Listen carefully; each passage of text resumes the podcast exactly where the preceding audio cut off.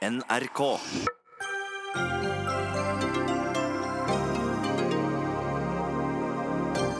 Når Islamsk Råd Norge mister statsstøtten fordi det ikke er nok brobyggere, hvorfor får Human Rights Service beholde integreringsstøtten fra staten? Eller gir Stortinget støtte til hvem de liker og ikke liker? De ansatte i Landbruksdirektoratet som jobber med skog, nekter å flytte til Steinkjer. Hvis ikke det direktoratet av alle skal kunne flytte ut av Oslo, hvem kan det da? Opposisjonen tvinger gjennom 14 uker pappaperm. Heldigvis for opposisjonen så tar så få fedre ut 14 uker at endringen ikke koster mye penger. Og nå skal barnevernsbarn behandles på institusjoner, men verken barna eller fagfolkene vil ha det slik, så hvorfor skjer det da?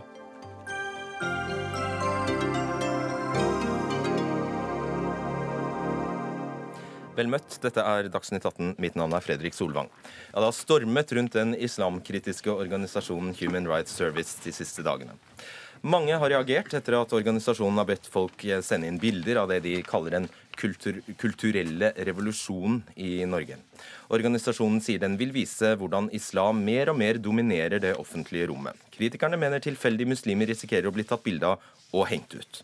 Og nå er det trolig flertall på Stortinget for å kutte statsstøtten på 1,8 millioner. Vi har forsøkt å få tak i Human Rights Service i dag, men organisasjonen har ikke svart på våre henvendelser. Lene Vågslid, stortingsrepresentant eh, fra Arbeiderpartiet, leder for justiskomiteen. Hvorfor er det riktig å fjerne statsstøtten? Nei, Det er fordi at Human Rights Service i dag mottar et uh, integreringstilskudd. Uh, og vi har sett, ikke bare i det siste, i ganske lang tid, at uh, den organisasjonen bidrar med veldig mye av det motsatte til integrering. Bildeeksemplet som du bruker, viser jo at de nærmest oppfordrer folk til å ta bilde av uskyldige statsborgere i landet for å spre frykt.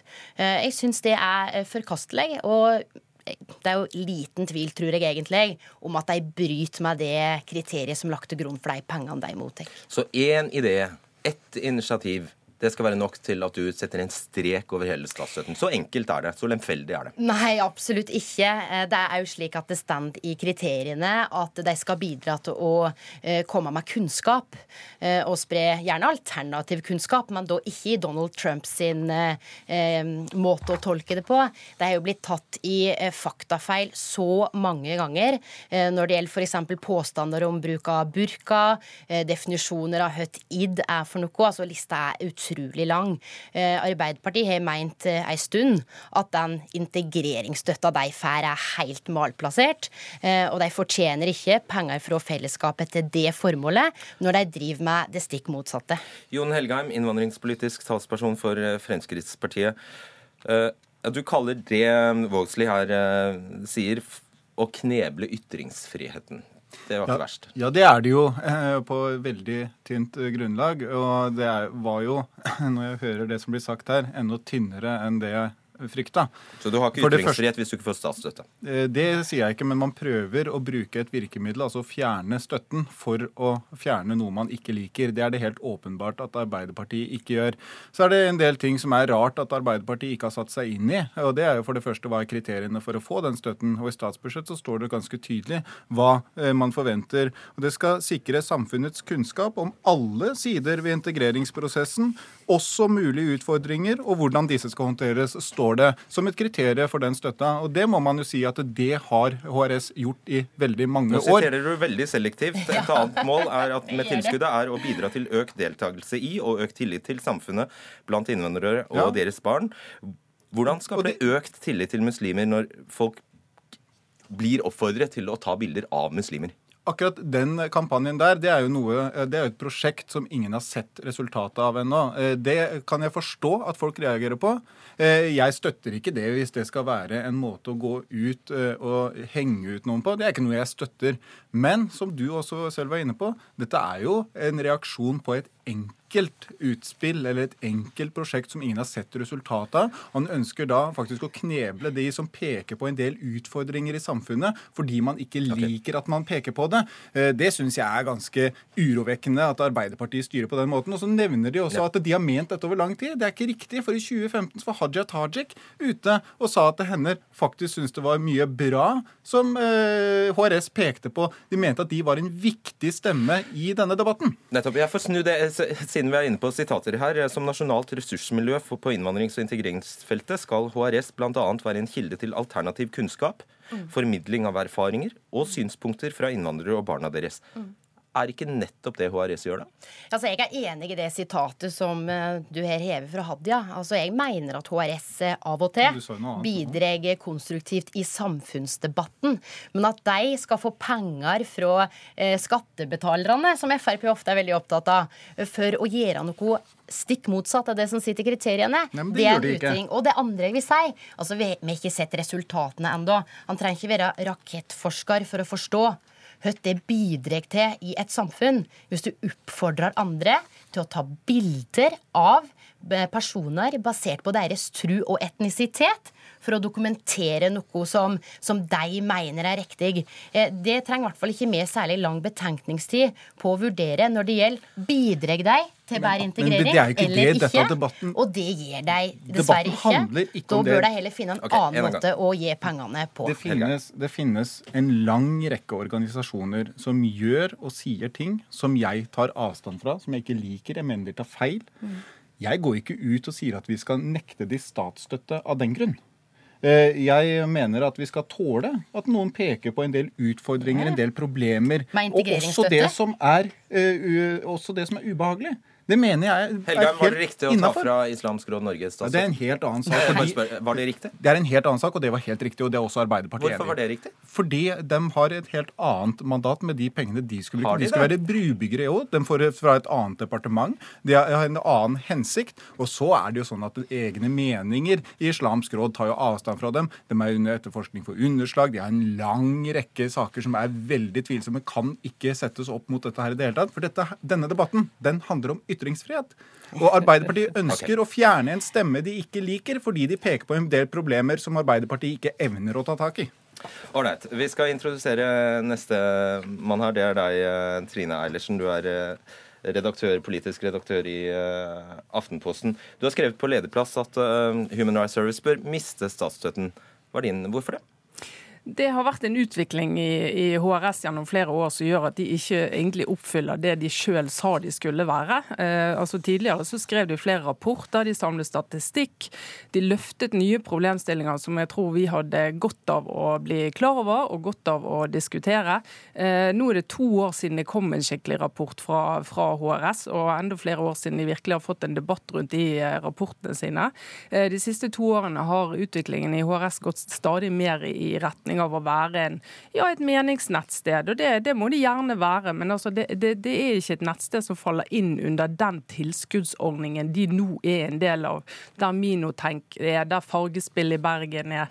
Der... Hvor mange rapporter har Fargespill i Bergen lagd? Nei, men det, er ikke noe poeng å lage rapporter, men når du sier at dette skal bidra til integrering og til, eh, til at, å bygge bro, om du vil Er det din definering av integrering som gjelder, da? Eller? Nei, nei, det er det ikke. Men det, det som står her, er jo blant annet at du skal få sett forskjellige sider av samhandling mellom eh, nordmenn og minoritetsbefolkningen. og som det HRS gjorde i starten, en del av de problemstillingene de løftet opp, det har vært viktig for eh, integreringsdebatten. og der kan vi nevne i fleng. ikke sant? Vi kan nevne konsekvensene av ikke-vestlig innvandring samfunnsøkonomisk. Mm. Vi kan nevne flerkoneri, som tillates i en del muslimske miljøer. Vi kan nekte, eh, nevne at kvinner nektes prevensjon. Alt dette har de skrevet rapporter om. Det har de skrevet om, og det er en stund siden de jobbet med den type rapporter. Jeg skulle ønske de fortsatte å jobbe med ordentlige rapporter og jobbet ordentlig med å samle statistikk, men det kan ikke være sånn at du skal gå fra å være et miljø som jobber på den måten, og når du mister eh, hva skal jeg si, farten da, og bare blir et helt vanlig meningsnettsted, så skal du være, fordi du har kommet inn under en statlig ordning, så skal du alltid være der. Det er jo altfor liten grad at vi vurderer de som får statlige ordninger og sier lever de opp til det som er hensikten med ordningen. Det er jo, I Norge er det jo sånn, kommer du først inn på en ordning, så er det jo komplett umulig å komme ut. For da kommer du i en sånn Nei, da er det ytringsfrihetsdebatt, og dette er ikke en ytringsfrihetsdebatt. Det er veldig viktig å understreke. altså. Right. Det, er, det, er, er det en ytringsfrihetsdebatt, Gunnar Stavrum, redaktør, Gunnar Stavrum, redaktør i Nettavisen?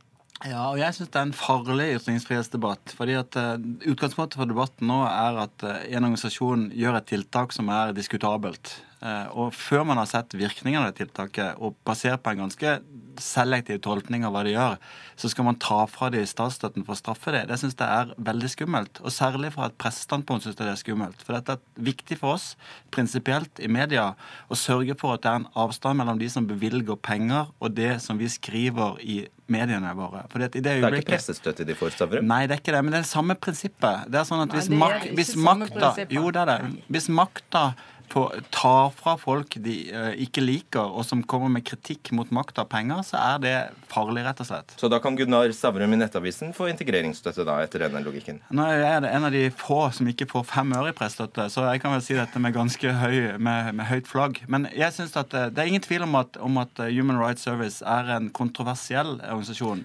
Det er heller ingen tvil om at de er et hår i suppa. Men hvis du ser på lista over eh, de 24 millioner kronene som gis til ulike nasjonale ressurssentre, så er det det eneste av de organisasjonene som faktisk er grunnleggende kritisk til innvandrings- og integreringspolitikken. Og bare veldig raskt, Hva er etter din mening forskjellen i praksis på rights.no, som da er hjemstedet til uh, Human Rights Service, og dokument.no?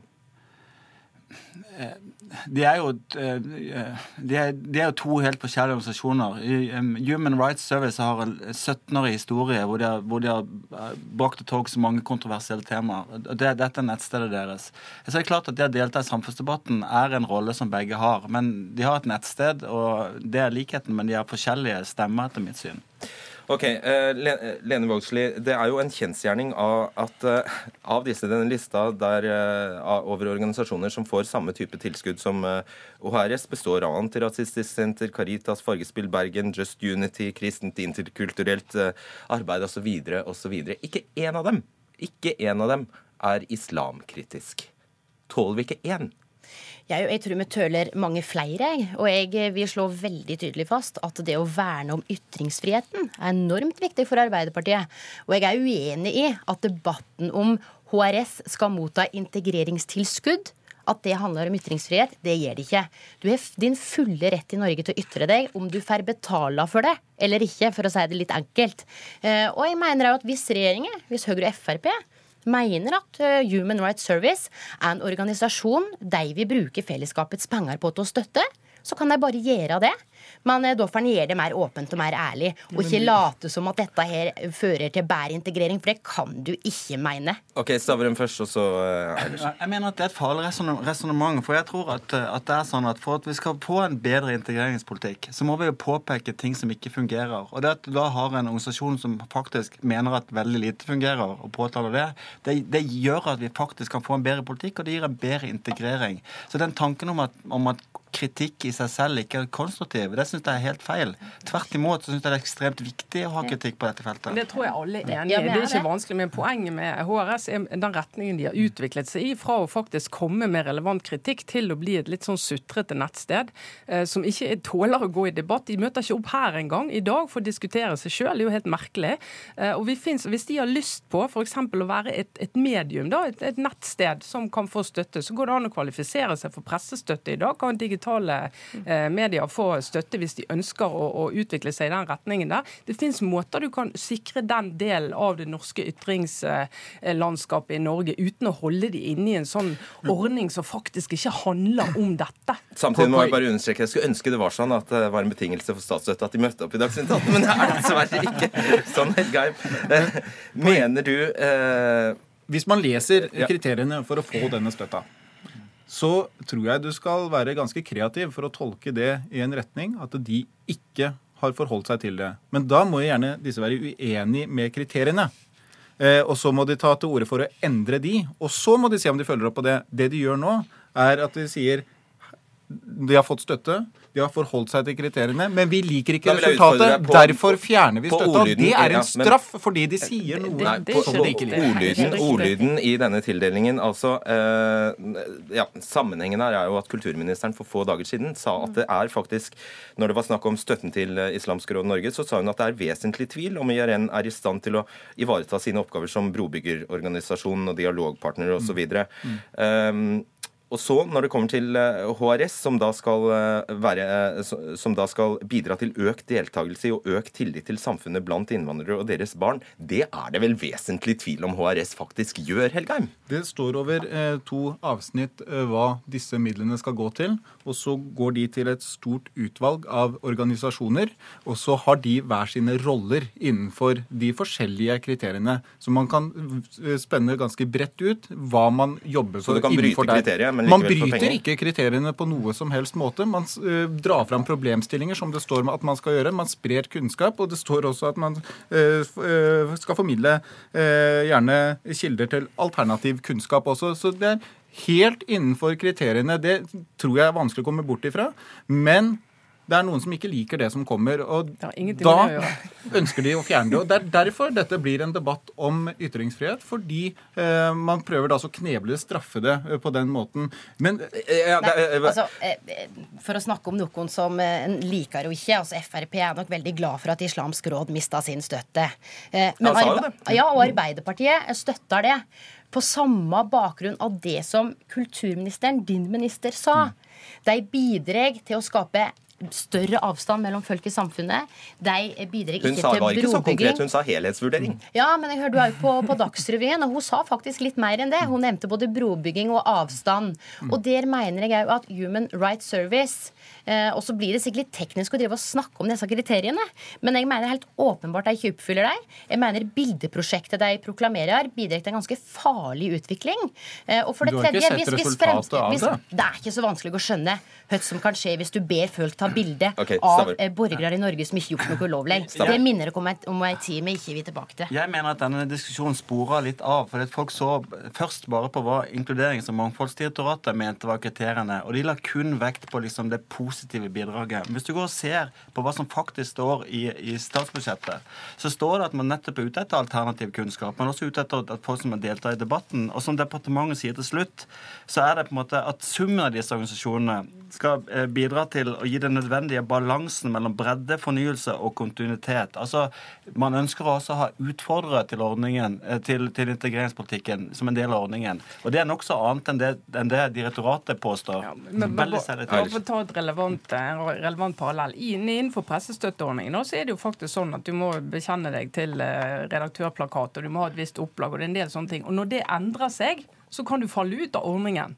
Altså hvis Når du ikke oppfyller kriteriene, kan du falle ut av ordningen. Men ingen som vil si at det er et brudd på ytringsfriheten hvis du ikke fortsatt får statsstøtte for å drive med det du driver med. når du ja, men ikke her må man jo forvente, ja, men dette er jo ikke, dette, det er jo ikke gjort en vurdering av HRS for ti år siden, og så stå, blir den stående. Dette er gjort eh, senest for et halvt år siden. Ja, og, og, og jeg mener du kan ikke ha en sånn si når du først er inne, da uansett hva du gjør eller ikke gjør. Hvis du omtrent legger ned virksomheten din eller begynner med noe helt annet, men, men så er du kvalifisert annet? for støtte.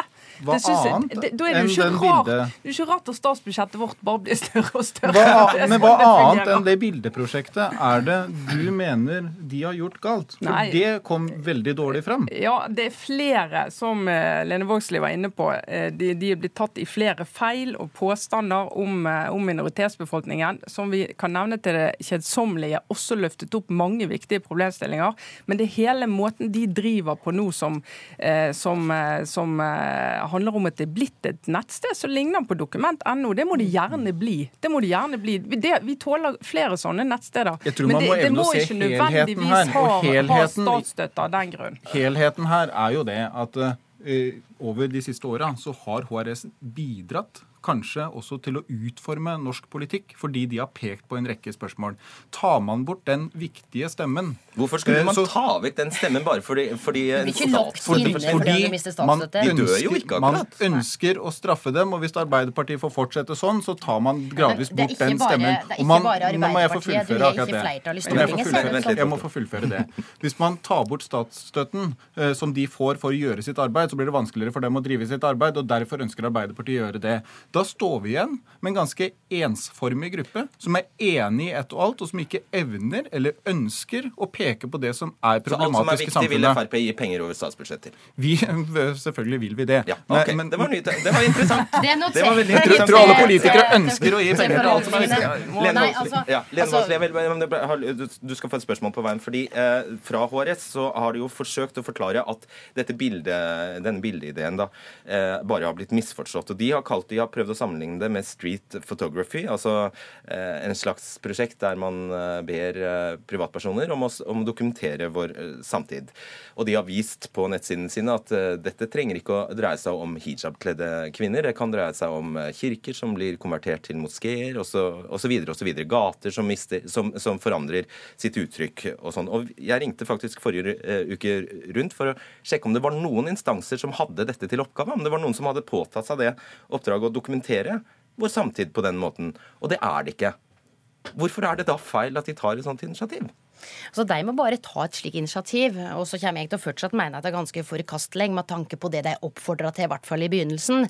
Men om vi skal betale for det fra fellesskapskassa i et integreringsøyemed, det henger ikke på greip. Og så syns jeg det er litt artig, da. Hadia Tajik, nestlederen i Arbeiderpartiet, hun tok Hege Storhaug på alvor. Veldig mange andre minoritetsjenter i Arbeiderpartiet gjort det.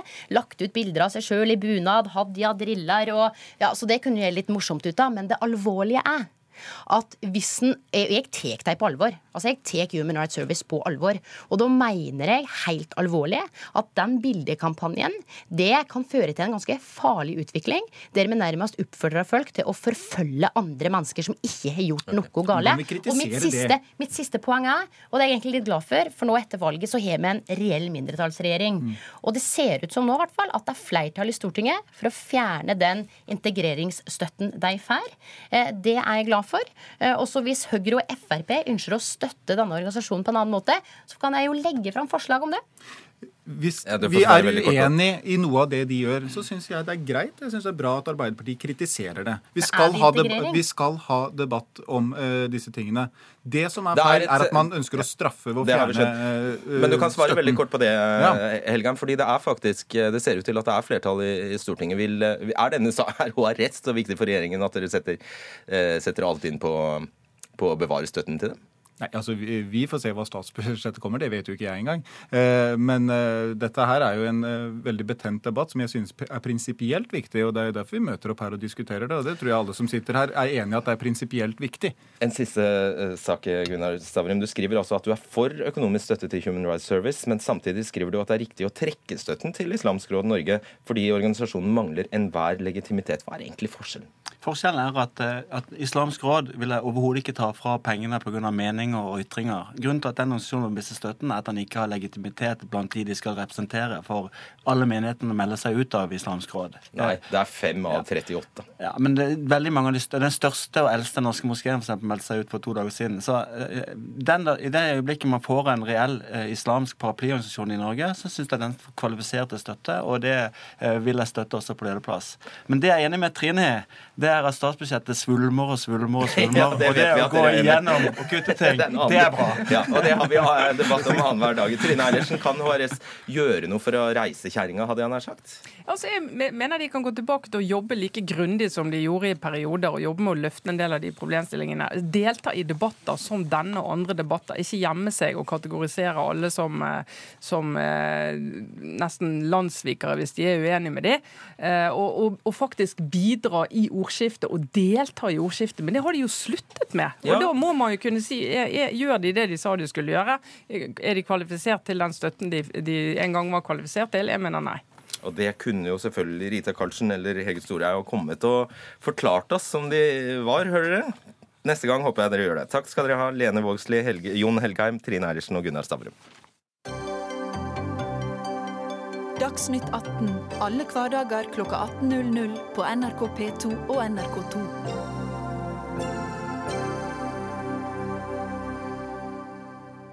Så til nok en debatt om statlig ansatte som ikke vil flytte fra Oslo ut i distriktet. Denne gangen er det Landbruksdirektoratets tur til å protestere. Tirsdag i forrige uke bestemte landbruksministeren å flytte 30 ansatte i direktoratet til Steinkjer. Dette var i strid med flere faglige råd, faktisk også mot departementets egne råd. I fagrapporten gikk Landbruksdepartementet nemlig imot utflytting. Anders Hellestveit, nestleder i eh, NTL i Landbruksdirektoratet. Bare for å ha det på det rene. Disse menneskene som da skal flyttes, de driver med oppgaver innen skog, arealbruk, naturskadeerstatning, administrative oppgaver som lønn osv. Eh, hvordan har de mottatt denne nyheten?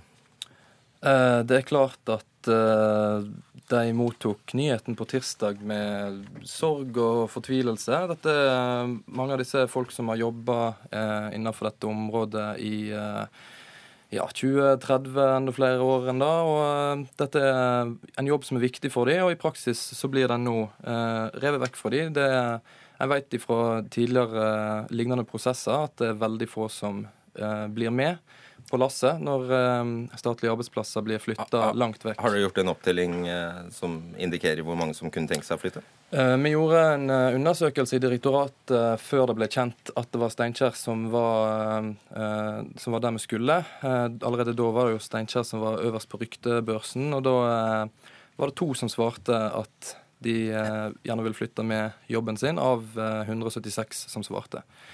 Så, uh, og det er 225 ansatte til sammen? Ja, det er rundt 200 på Oslo-kontoret. Ja. Fattige to personer. altså. Ja, så det er vel en prosent cirka. Hva er det resten frykter så veldig? Nei, altså, det som eh, skjer nå For det første er det jo uh, store konsekvenser for enkeltpersonene.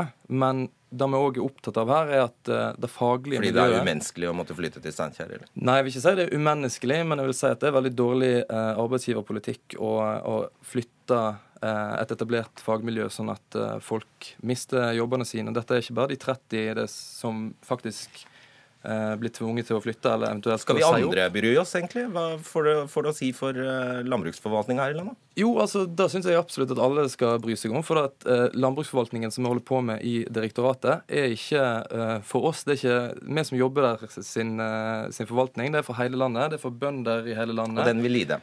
Den vil lide. Altså, jeg kan ta et uh, kjapt eksempel. Ja. Um, naturskadeerstatning er en av de uh, områdene som uh, nå kan bli flytta. Og dette er jo et brennende tema nå etter at vi har hatt en flom som har vært en av de mest alvorlige, og det kan se ut til å bli den dyreste flommen noensinne. Mm. Der vi forventer å få over 1000 søknader om erstatning. Vi har brukt masse tid, masse ressurser på å bygge opp eh, et, eh, et, fagsystem som kan ta imot eh, krav om erstatning. På å bygge opp en veldig god kompetanse innenfor dette. Og det er det som nå blir flytta. Og det er klart at den kompetansen vi har til å hjelpe folk da, vil være svekka i lang tid framover. Erik Unås, du er ordfører i Eidsberg kommune i Østfold og representerer Høyre. Og Eidsberg var på blokka her, men så tapte dere rett, rett, og slett kampen mot uh, Steinkjer. Hva tror du skjedde? Nei, det var vel en, en hestehandel, eller noe som noen kaller gode forhandlinger, og der okay. nådde ikke vi opp. Ok, Hva besto den hestehandelen av? Nei, det kan jo ha sammenheng med både valgresultat eh, på stortingsvalg og eh, andre forhold. Ikke gå rundt grøten. Fortell oss hva du tror skjedde. Nei, Jeg tror nok at det er vel også en grei hemmelighet, det. Regjeringen trengte Venstre. Regjeringen trengte Venstre, ja. Akkurat. Vil du navngi?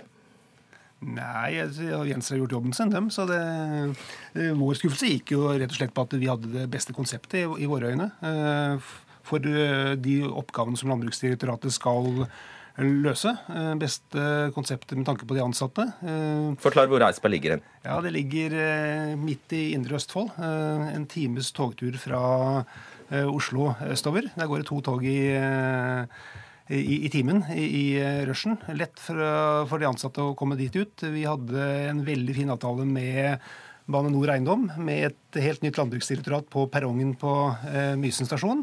Og så vet vi at vi er nabokommunen til eh, Ås, eller blir det når vi bygger ny stor kommune i Indre Østfold. Nord-Europas største ligger... forskningsmiljø ja, eh, og utdanningsmiljø innenfor bioteknologi. Universitetet på Ås, altså Gamle Landbrukshøgskolen og nå Veterinærhøgskolen.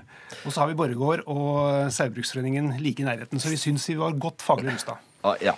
Selv om du ikke vil henge bjella på katten her, Erik Unås, så kan det hende katten sitter her. André Skjelstad, du er eh, stortingsrepresentant fra Nord-Trøndelag for eh, Venstre.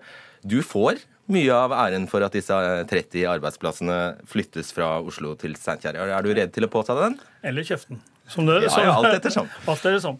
Eh, jeg tror vi må ha litt historie, men, men altså, jeg har forståelse selvfølgelig for de ansatte som ikke ønsker å flytte. Det må jeg bare få være tydelig på.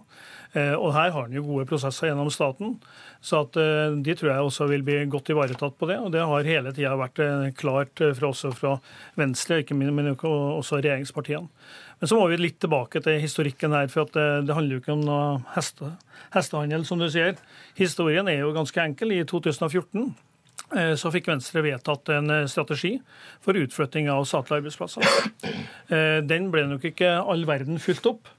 Eh, så i 2016, da vi satt og forhandla om inntektssystemet, eh, så ble vi enige med regjeringa på at eh, her skulle vi ha noen styrking også av regionsentra i hele landet. Nå snakker landet. vi om kommunereformen. Ja, inntektssystemet. Inntektssystemet som også henger sammen ja, ja, med etter hvert som man har kobla veldig til kommunereformen, da. Ja. Blant annet så fullføre den forklaringen, fordi annet så har kommuner som, vil slå seg, som slår seg sammen, fått sterke økonomiske insentiver gjennom denne inntektsordningen til å gjøre nettopp det. Ja. Og, og, gjennom det så var vi krystallklare på at her skulle vi også styrke regionsentra i de nye, de nye regionene, eller de nye fylkene.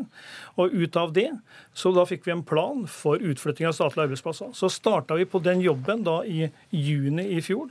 Planen la vi fram da i februar i 2017. Og så har vi holdt på å forhandle både om lokalisering og hvor de skulle hen. Og ja, og Østfold fikk jo bl.a. også utflytting til, til, Moss i en tidligere fase, på samme måte som eh, Hamar og flere har fått. Så satt vi igjen da selvfølgelig med bl.a. Landbruksdirektoratet, eh, som da ble om lag 30 ansatte. ja. Og det er den hele biten på, på skog, og der har det er ingen tvil om at Steinkjer har gode forutsetninger på det. Og jeg tror, i motsetning til det, at jeg vil ikke ha noe problem med å rekruttere også ansatte hvis de ikke ville Nei. ønske å være hvordan forklarer med. At, uh, hvordan forklarer du da at rapporten fra eh, Landbruksdepartementet selv konkluderer med at Steinkjer skårer aller lavest, og er den, det stedet som eh, ekspertene fraråder faktisk å flytte til? Jeg ser at eh, regjeringa eh, påpeker i forhold til distriktspolitiske hensyn. Eh, vi har ment at vi må bygge opp under regionsentra, men det kan altså ikke være sånn at alt skal ligge bare så vidt på utsida av Ring 3 hvis du skal flytte ut statlige arbeidsplasser. Vår misjon med det her har hele tida vært og vi har Nei, Jeg spurte deg om hvordan du forklarer ja. at dere går stå, så ja, ja, men, eklatant imot faglige råd. Men, men, men, la meg nå få lov til å fullføre uten at du avbryter med en gang. Altså, Vi har vært tydelige på at vi ønsker å spre makt og myndighet i hele landet. Det er også, Da må vi også kunne spre kompetansearbeidsplasser. Eh, det kan ikke handle bare om det er en to timers togtur fra Oslo. Nei, men dere, eh, Bare forklar det, Unås, Unos, fordi dere har faktisk slått dere sammen til en gigantkommune, så dere hadde nesten trodd at dette var i boks? Ja, Vi syns vi har gjort det som regjeringa sa. Uh, det er vel den største kommunebyggingen nå også i Indre Østfold eller Smålen, eller hva det kommer til å hete. Fem kommuner, to byer, 45 000 innbyggere. Men mangler statlige arbeidsplasser fra før, og det trodde vi nå vi Eh, kanskje skulle oppnå gjennom dette her. Ok, Anders eh, Heltveit, fremdeles fra, eh, fra NTNU, Norsk tjenestemannslag. NTL, ja. Hva sa jeg? NTNU. NT, NTL, unnskyld. Det, var, det, er vel neppe noen Det er jo ikke så veldig mange statlige etater og organer som er, tar bølgen og blir kjempehappy for å bli tvangsflyttet ut av Oslo. Men hvis det var ett som naturlig kunne høre hjemme et annet sted enn Oslo, så er det vel Landbruksdirektoratet? Altså, eh, det er sånn at landbruksforvaltningen, Hvis en ser på landbruksforvaltningen i stort, så er det 85 eh, av landbruksforvaltningen er allerede desentralisert. Den ligger i eh, landbrukskontorene rundt omkring i kommuner, hos Fylkesmannen. Så de 15% av landbruksforvaltningen som var som er Ikke 85% av de 225, vel? Nei, nei, nei, nei. Av landbruksforvaltningen, ikke Landbruksdirektoratet. Ja. Så landbruksforvaltningen... Mm. La oss holde oss til direktoratet, er du snill. Ja. Uh, og direktoratet utgjør da de 15% av den totale landbruksforvaltningen. Og når det er da et, når, når systemet er bygd opp sånn som det, så er det pga. at de oppgavene som ligger i Landbruksdirektoratet, det er de som har en god grunn til å ligge i Oslo. Og når en da svekker de, så svekker en altså da hele systemet ut i uh... Ja, det er som jeg sa, skog, arealbruk, naturskadeerstatning, administrative oppgaver som lønn. Kan du ikke kjøre lønn fra Steinkjer? Eh, det er klart at en kan kjøre lønn for Steinkjer. Det er klart at en kan gjøre alle disse tingene her fra Steinkjer. Poenget er at hvis en hadde funnet ut at en skulle ha en skogforvaltning i 2017, så hadde det vært en kjempegod idé å bygge opp eh, den i f.eks. Steinkjer eller en annen plass utenfor Oslo. Det vi kritiserer her, er ikke, eh, er ikke, at vi skal bygge opp noe utenfor Oslo. Vi kritiserer utflyttingen. Og det er sånn at en etablerer flere tusen av nye statlige arbeidsplasser i Oslo siden, en, eh, siden i de fire årene siden den blå-blå regjeringen ble valgt inn. Eh, hvorfor kan en ikke fokusere på det, heller enn å bryte ned det faglige miljøet i eh, eksisterende arbeidsplasser? Eh, hva er viktigst, eh, Skjelstad, å få arbeidsplasser til eh, en plass, eller å få lagt arbeidsplassene til den plassen som er mest hensiktsmessig? Det er viktig å kunne spre kompetanse i hele landet. Det er det aller viktigste. Vi har, det her er jo én av de her. Vi flytta bl.a. Fredskorpset til, til Førde, som er også en viktig lokaliseringssak. Det likte de ikke noe heller? Nei, da, det, altså, det, det blir litt støy rundt det her, det er ikke noe tvil om det. Men det, aller, det viktigste er å spre kompetanse, makt og myndighet i hele landet. Det er det aller viktigste. Og så er det ikke sånn. altså Vi ønsker ikke mer statlig byråkrati mer statlig byråkrati vil det bli hvis vi da etablerer hele tida nye typer statlige arbeidsplasser. Vi tror at det er det viktig også å kunne flytte ut det, det er viktig å flytte ut også eksisterende. Vi ønsker ikke å ha flere statlige byråkrati. Vi ønsker da og derimot å kunne slanke det litt, men samtidig også flytte ut fra hovedstadsområdet. Ja, du, gjør du det nå? Slanker du det samtidig som du flytter? Vi slanker ikke nå. Nå, flytter, nå flytter vi ut. Nei, det bare, hørtes, ja, det bare hørtes ut som du gjorde det, men du bare sa det. At dere ville gjøre det. Ja, men så det, nat det naturlige er jo ikke å akselerere da nye statlige Det er noe ganske annet å ikke øke enn å, enn å slanke, da. Men OK, eh, la det fare. Erik Unås, eh, hva er denne saken for evig og alltid tapt? Eh, jeg vet ikke om jeg skal kjempe for Landbruksdirektoratet, men, men, det er jo en, en, en, lærerik prosess, kanskje både for regjeringen og for lokalpolitikere og, og, og tillitsvalgte, over til andre. Og du mener moralen er? Ja, Det er jo at man skal i hvert fall ta seg si, grundig tid. Eh, kanskje lytte til eh, både faglige eh, råd og se en helhet. Og så tenker jeg økonomi. Eh, ifølge Nasjonen så koster jo flyttingen av de 30 arbeidsplassene over 50 millioner i første omgang. Eh, det kan hende det er litt eh, feil bruk av, av, pengene. Det har vært gratis å tatt dem til eh, Mysen og eh, indre Østfold. Samtidig så støtter jeg prinsippet med utflytting av, av statlige arbeidsplasser. Bare ikke i dette konkrete tilfellet. Uh, ok, Du får avslutte, Hellestveit. Hvor var det dere ville egentlig? Altså, vi har, ikke, uh, vi har ikke gått inn for noen av disse alternativene. Vi støtter jo egentlig det som var den faglige konklusjonen i rapporten fra departementet, som var at det mest fornuftige var å la uh, direktoratet bli i uh, Oslo. Okay. Og det er jo sånn at hvis vi nå uansett må ut, så er det viktig at Skjelstad og andre politikere står løpet ut her, for det, det vil koste, som du nevner. Eh, gjerne over 50 millioner. Og det er ekstremt dårlig distriktspolitikk hvis vi skal svekke disse her uten å eh, bevilge de midlene som er okay. nødvendig for at dette skal bli forsvarlig. Skjelstad, du har fått siste ord i saken, så du får ikke siste ord i debatten. Takk skal du ha, Anne Skjelstad, André Skjelstad og Erik Unås.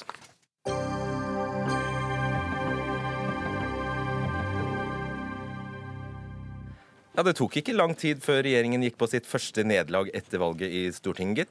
Under trontaledebatten ble det klart at KrF støtter Aps forslag om å øke fedrekvoten fra 10 til 14 uker igjen. Og dermed er det flertall for dette på Stortinget. Silje, Silje Hjemdal, stortingsrepresentant for eh, Frp. På, for fire år siden så gikk jo dere til valg på å kutte i fedrekvoten. Da reduserte dere fra 14 til 10. Nå økes den igjen. Et eh, ganske pinlig nederlag. Altså, jeg må jo si det at det er ingen hemmelighet at eh, Fremskrittspartiet er tilhenger av at familien skal ha eh, valgfrihet. Og det er kanskje det som er overraskende her. Slik som jeg har eh, kjent KrF, så har de alltid vært opptatt av at familien skal ha stor valgfrihet. Vi har tillit til familiene, og at familiene klarer å avgjøre hva som er best for deres familie selv. Så jeg er litt overrasket eh, i dag at eh, KrF eh, har snudd. Ja, Du mener de har snudd? Ja, de har jo det. De har jo aldri ivret for ti uker, de. Nei, eh, det kan jo så godt være. Det får jo representanten fra KrF redegjøre fra, eh, for selv. Men det er ingen hemmelighet at eh, KrF tradisjonelt har vært sterke tilhengere av at familien skal ha valgfrihet. Geir Jørgen Bekkevold, stortingsrepresentant for KrF. Du får oppklare dette først som sist. Da. Har dere noen gang vært for ti uker? Aller først så er det helt klart at eh, KrF er for valgfrihet ja, for familien. Ja, da, da, legge fra oss akkurat den retorikken der, sånn, for den, den stemmer ikke. Men uh, det er helt klart at de, de ti ukene som uh, vi gikk til, eller de fire ukene vi gikk tilbake på i forrige periode, altså fra 14 til 10, det var på mange måter et kompromiss mellom fire partier. Jeg er glad for at vi beholdt i hvert fall ti uker, for vi skal ikke glemme at Høyre og Frp gikk jo egentlig til valg for å fjerne hele uh, fedrekvoten. så dere man, solgte dere den gangen? det er det du sier? Uh, ja, dette var også, KrF hadde også dette i vårt program den gangen. Uh, ti uker? Ti uker. Så, så, dere har snudd? Vi har snudd, men det er, jo, det er jo på bakgrunn av hva vi har sett har skjedd. Fordi at når Stortinget gjorde dette vedtaket, og vi gikk fra 14 til 10 uker, så er det sånn at i dag så tar pedere ut bare de ti ukene. De aller fleste tar bare ut de ti ukene.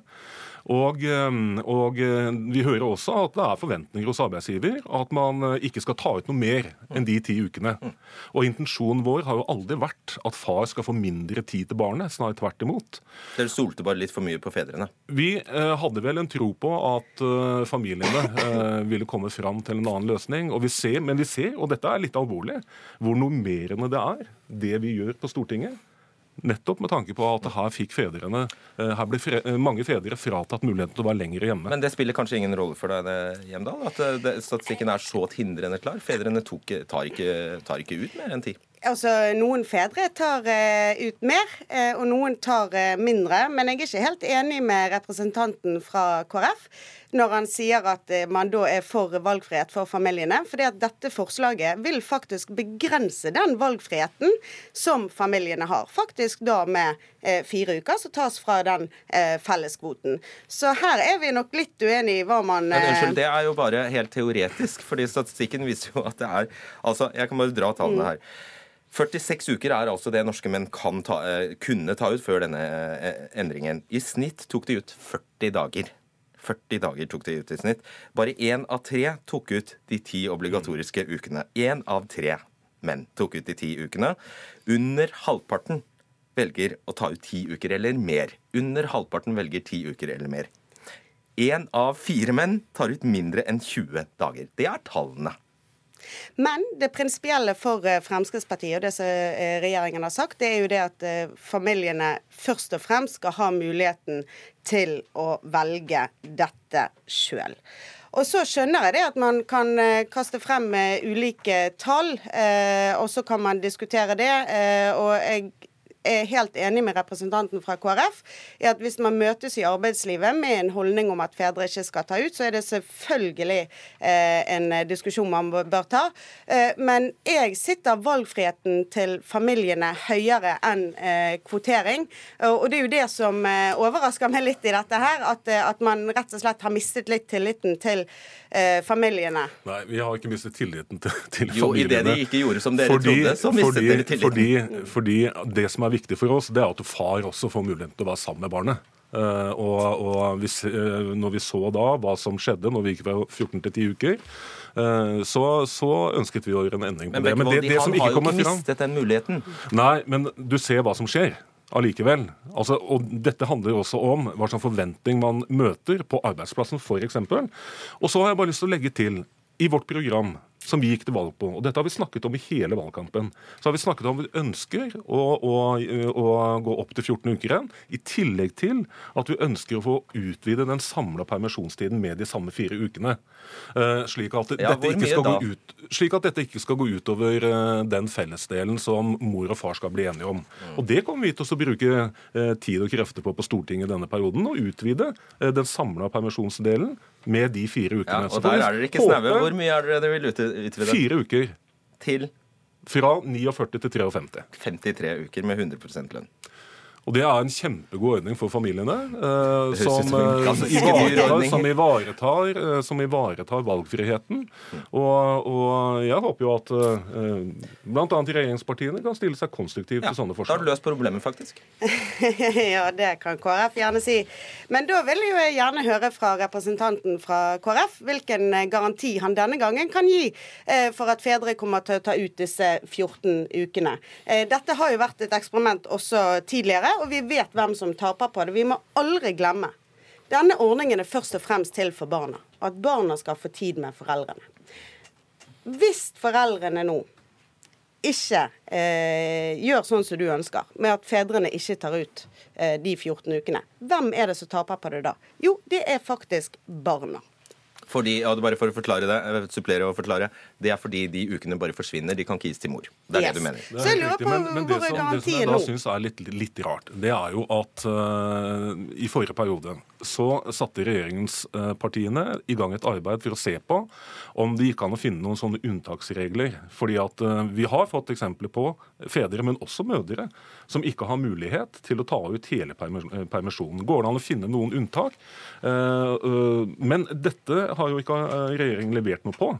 Selvsagt har det vært stor kritikk både fra arbeidsgiversiden, men også fra arbeidstakersiden på å få for mange unntak. Men uh, dette kunne dere ha levert på, men det er ikke levert. Det er ikke, det det er ikke blitt gjort noen ting. Svar veldig kort på det. Ja, jeg vil jo bare legge til det at Hvis foreldrene ønsker det, så kan jo far ta ut uh, mer enn uh, fedrekvoten sånn som det er. Eh, det kan han gjøre også eh, i dag. Og så har jo det vært en sak på høring, eh, som jeg går ut ifra at det kommer til tinget etter hvert. Så diskusjonen er ikke over med dette. Men jeg vil jo også utfordre da litt på regnestykket på hva dette vil koste. Eh, det har jo noen budsjettmessige konsekvenser, dette også. Ja, det, Det vil alltid koste penger å, skape god familiepolitikk, men det er en god investering eh, for samfunnet å ha gode ordninger knyttet til familiene. Som valgfrihet. Ja, Magnus Takvam, politisk kommentator her i NRK. Er dette token på, er dette et tegn på noe, det vi har sett eh, her?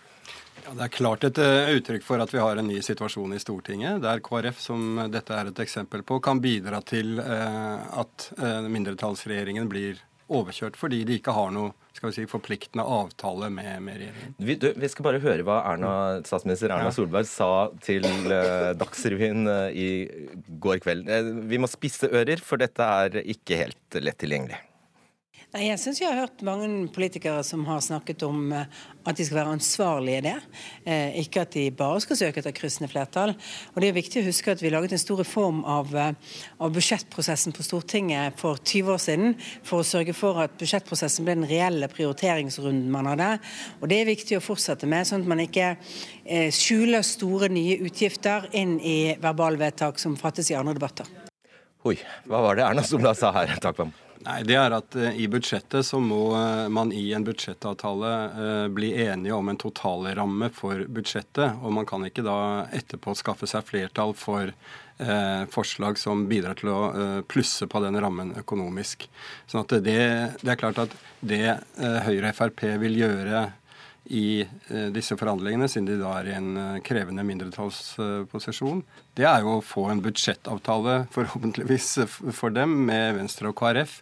Eh, som, som tross alt binder opp da Venstre og KrF også i de komitébehandlingene på videre framover, slik at man ikke kan sprenge rammene. Så da må denne, akkurat dette vedtaket om å øke fedrekvoten fra 10 til 14 uker med i det, den rammen som du snakker om. Ja, altså da, Jeg regner med at eh, signalene fra, fra Erna Solberg og regjeringen har jo vært at dette er relativt uproblematisk. fordi at uten å utvide den totale rammen for foreldrepermisjonen, så er kostnadene små. Det vil være en kostnadsøkning dersom eh, Dersom flere menn fedrene faktisk begynner å ta ut ja, permisjon, og så blir de, det dyrt. de har høyere lønn eh, gjennomsnittlig enn en kvinner. Men eh, det er liksom en marginal økonomisk kostnad. Men jeg er ganske eh, sikker på at det vil sitte langt inne for eh, regjeringen å eh, skal vi si, utvide antall uker i løpet av perioden. Da må i så fall f.eks. KrF prioritere det eh, med, i forhold til andre saker de, de eh, går inn for. Men kan dette tolkes som noe annet enn en pekefinger fra Solberg til Bekkevold? egentlig? At sånn der kan, kan du ikke holde på? Nei, altså jeg eh, Det er uttrykk for at Erna Solberg eh, er i en krevende posisjon når det gjelder budsjettet. Eh, Men samtidig så eh, er det at de aksepterer det, uttrykk for at en mindretallsregjering må godta å bli overkjørt i en del saker. Men det som, det som vil være på en måte hennes smertegrense, er jo dersom da KrF i sak etter sak bidrar til f.eks. Eh, vedtak som binder eh, økonomien i, i, i stor grad. Sånn at eh, dette, dette blir en dragkamp. Så de kan ikke gjøre det i, i tide og utide.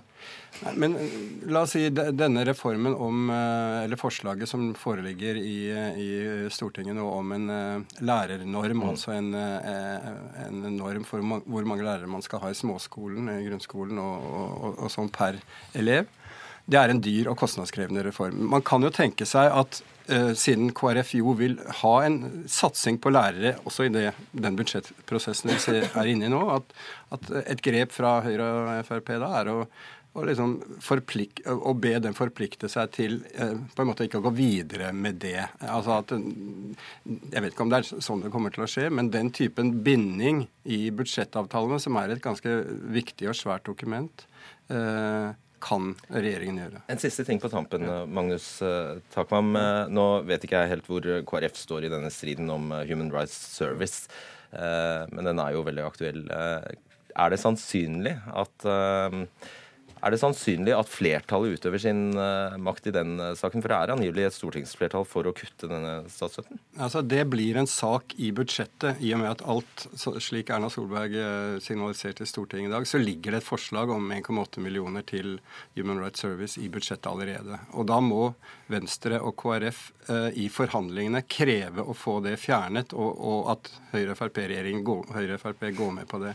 Jeg tror ikke Frp, som vi hørte eh, representanten her tidligere var ganske hard på, at de vil akseptere eller at de, de vil godta det. sånn at Saken tror jeg da ikke er stor nok til at Venstre og KrF liksom vil satse all sin politiske makt på å vinne akkurat den ene uh, saken. Du skal få bekrefte eller avkrefte det på tampen her, Bekkevold. Uh, vi har jo ikke diskutert uh, akkurat den saken i, i, gruppa. Jeg har jo uttalt meg ganske kritisk til HRS og mener at de, de, de, de får penger fra feil post. Dette kan Frp og Høyre. Men er det så viktig for dere at dere vil velte regjeringen? Ja, altså, nei, altså å bruke så mye politisk kapital på en, eh, en eh, sånn sak, eh, det tror jeg det ville jeg i hvert fall advart mot. Men regjeringen kan jo løse dette med å, med å putte de på en annen post. da enn at de Aha. er der de er i dag. Så Aha. lykke til med det. Kanskje det var en nyhet som kom der. Takk skal du ha. Silje Hjemdal, Geir Jørgen Bekkevold og Magnus Takvam.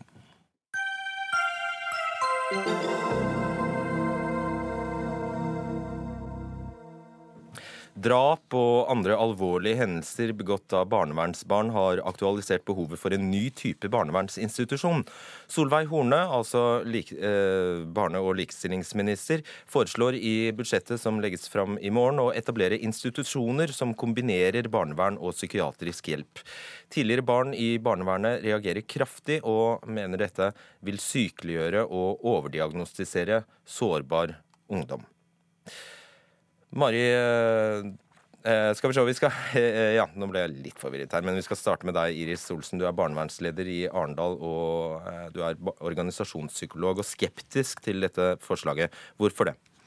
Jeg er skeptisk fordi jeg mener det er uklart hva institusjonen er svak på.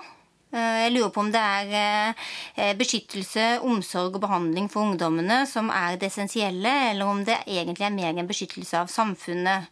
Så jeg lurer på om vi står i fare for å få sikkerhetsposter for ungdom med å etablere denne type spesialinstitusjoner. Det er en stor samfunnsutfordring at barn og unge ikke får den omsorg og beskyttelse og hjelp de trenger. Eh, som gjør at vi ser den type situasjoner som vi har sett i den siste tiden. Men jeg er redd for å redusere dette store samfunnsproblemet til et medisinsk problem. Marie Romal, du er direktør i Barne-, ungdoms- og familieetaten. Du kan oppklare først som sist hva dette skal være for noe? Ja, for det ser jeg at vi kan gjøre umiddelbart. Dette er jo et nytt institusjonstilbud som, eh, som helseministeren og, og, Solveig Horne sammen har blitt enige om å etablere. Og den skal handle om nettopp å dekke et behov for barn i barnevernet som har, har behov for betydelig hjelp med psykiske lidelser. Så her snakker vi om alvorlige psykiske lidelser. Og jeg kan umiddelbart også betrygge om at her er det ikke en hovedhensikt å beskytte samfunnet. Så dette er ikke tenkt å bli lagt opp som en sikkerhetsavdeling eller noe slikt. Her snakker vi mer om av typen alvorlige spiseforstyrrelser, eh, barn med selvmordsproblematikk og den typen veldig alvorlige psykiske lidelser. Er det betryggende, Iris Olsen? Eh, nei, ikke helt. Eh, jeg har stor respekt for at han ser etter løsninger. Men eh, nå er utfordringene for barn som er i barnevern, veldig stort i forhold til at de ikke får den psykiske helsehjelp de trenger. Og det er så omfattende utfordring at noen få spesialinstitusjoner jo ikke kan bøte på det. Og det er jo et sentralt spørsmål hvordan vi skal unngå i så fall at vi i fremtiden skal trenge, trenge stadig flere spesialinstitusjoner. Så spørsmålet er jo hvorfor vi, altså, har vi ikke mislykkes noe sånt skjer, eh, og vi har mange institusjoner allerede, eh, er det ikke mulig å bruke de på en annen måte? Staffe de opp med mer kompetanse, f.eks., eh, sånn at barna kan bli møtt på en mer helhetlig måte i de institusjonene som alle er. Og vi har jo også eksempler på institusjoner hvor dette i hvert fall testes ut i pilotprosjekter. Trommald. Ja, og det er jo nettopp det som vi skal gjøre her i dette, ved å bruke en barnevernsinstitusjon som hovedbase for dette nye tilbudet. Og så skal vi forsikre oss om at også psykisk helsevern bidrar inn. For det har jo vært en utfordring at vi ikke har fått til eh, en hjelp til disse barna som trenger det aller mest. Det er ikke lenge siden det kom en rapport som viste at nesten 80% av barn som er i barnevernsinstitusjoner, har psykiske problemer. Og veldig mange av de har ikke fått hjelp. Så her tenker jeg vi heller bør sørge for at vi får flere tilbud, enn at vi er bekymret for de nye tilbudene som kommer. Gloria, du er med oss på telefon. Du er barnevernsproff i Forandringsfabrikken og selv barnevernsbarn. Du er også i nær kontakt med disse barna og unge som dette tiltaket skal eh, gjelde. Hva syns du om beskrivelsen av det? Um, har bodd på en sånn institusjon, og jeg har snakka med veldig mange andre ungdommer som har gitt råd til Forandringsfabrikken at det å bo på sånne institusjoner og få et blikk på seg som syk, og at du får diagnoser, det gjør veldig vondt. Og når du får et blikk på deg som syk, så lever du opp til voksnes blikk, og da blir ting verre. Og du får enda flere uttrykk som gjør at du får enda flere lidelser. Hva er alternativet da? Alternativet er at vi må få noen få voksne som vet at når ungdommen vil ta livet sitt, eller som vet at når ungdommen vil sulte, eller som vet at når ungdommen truer med den kniven, så vet de at det handler om vondt. Da vet de at det ikke handler om at de har en psykisk lidelse, men de har det vondt. Og da vil de gi trygghet og varme og prøve å komme inn bak. Mm. Mari Trommal, det skal legges til at faktisk både Helsedirektoratet og Barne-, ungdoms- og familiedirektoratet i, for om lag ett år siden eh, ga ut en rapport som frarådet nettopp denne type fellesinstitusjoner. Likevel går dere altså, eh, går dere altså fram og, og gjennomfører det? Ja, for det er ikke helt riktig at vi frarådet det. Det som vi skrev i den rapporten, er at vi sa det ikke var riktig nå, fordi vi eh, ville utrede bedre en del av de tingene som vi sitter og diskuterer nå. Hvilke barn er det som trenger denne typen tilbud, og hva slags type tilbud skal man ha. I tillegg så var det der snakk om å ha en helintegrert eh, institusjon som nettopp eh, stiller veldig mange juridiske problemstillinger. Det som nå blir etablert, er en barnevernsinstitusjon hvor man får psykisk helsehjelp inn. Var det noe da av det Gloria sa som var misforstått? Det som Gloria sier er viktig å ta på alvor, og vi er jo nå i ferd med nettopp å utrede hvilke barn er det som er viktigst å ivareta i et nytt institusjonstilbud. Så nå er det satt ned en arbeidsgruppe og styringsgruppe og referansegrupper som nettopp jobber med å kartlegge hva er det som skal til. Så nå er vi i en utredning hvor det er mange som kommer til å få mulighet til å si sin mening, og vi har flere brukerorganisasjoner, også Forandringsfabrikken inne, som vil ha anledning til å spesifisere tydeligere presisere hva de er opptatt av at vi nå skal gjøre. Hvis du eh, veldig raskt eh, Iris Olsen, kan forklare hva du mener. Altså, du er eh, bekymret for at disse ungdommene vil ende opp med enda, flere, enda mer diagnostisering, for dette er, dette er unge som allerede får mange diagnoser. Ja, eh, det er fordi at eh, de har jo eh, med årene utvikla såpass mye smerteuttrykk i form av alvorlige handlinger at de sannsynligvis kvalifiserer for å kunne få flere diagnoser. Og eh, Samtidig så er utgangspunktet for at problemene er blitt så store som det er blitt for disse ungdommene, det er ikke at de hadde en psykisk lidelse i utgangspunktet. De har vært utsatt for omsorgssvikt eller for situasjoner rundt seg som er så uholdbar at det blir et svar på det. Eh, så jeg tenker at vi må ta det tilbake og se på det. Og jeg ser i det daglige at vi klarer ikke å gi disse barna hjelp nok tidlig, og da blir dette her et plaster på såret etterpå. Og der må jeg sette strek, dessverre, fordi tiden renner ut. Takk skal dere ha. Det var Dag Dørum, Erik Sandbråten og Fredrik Solvang som sto ansvarlig for Dagsnytt 18 i kveld. Takk for nå.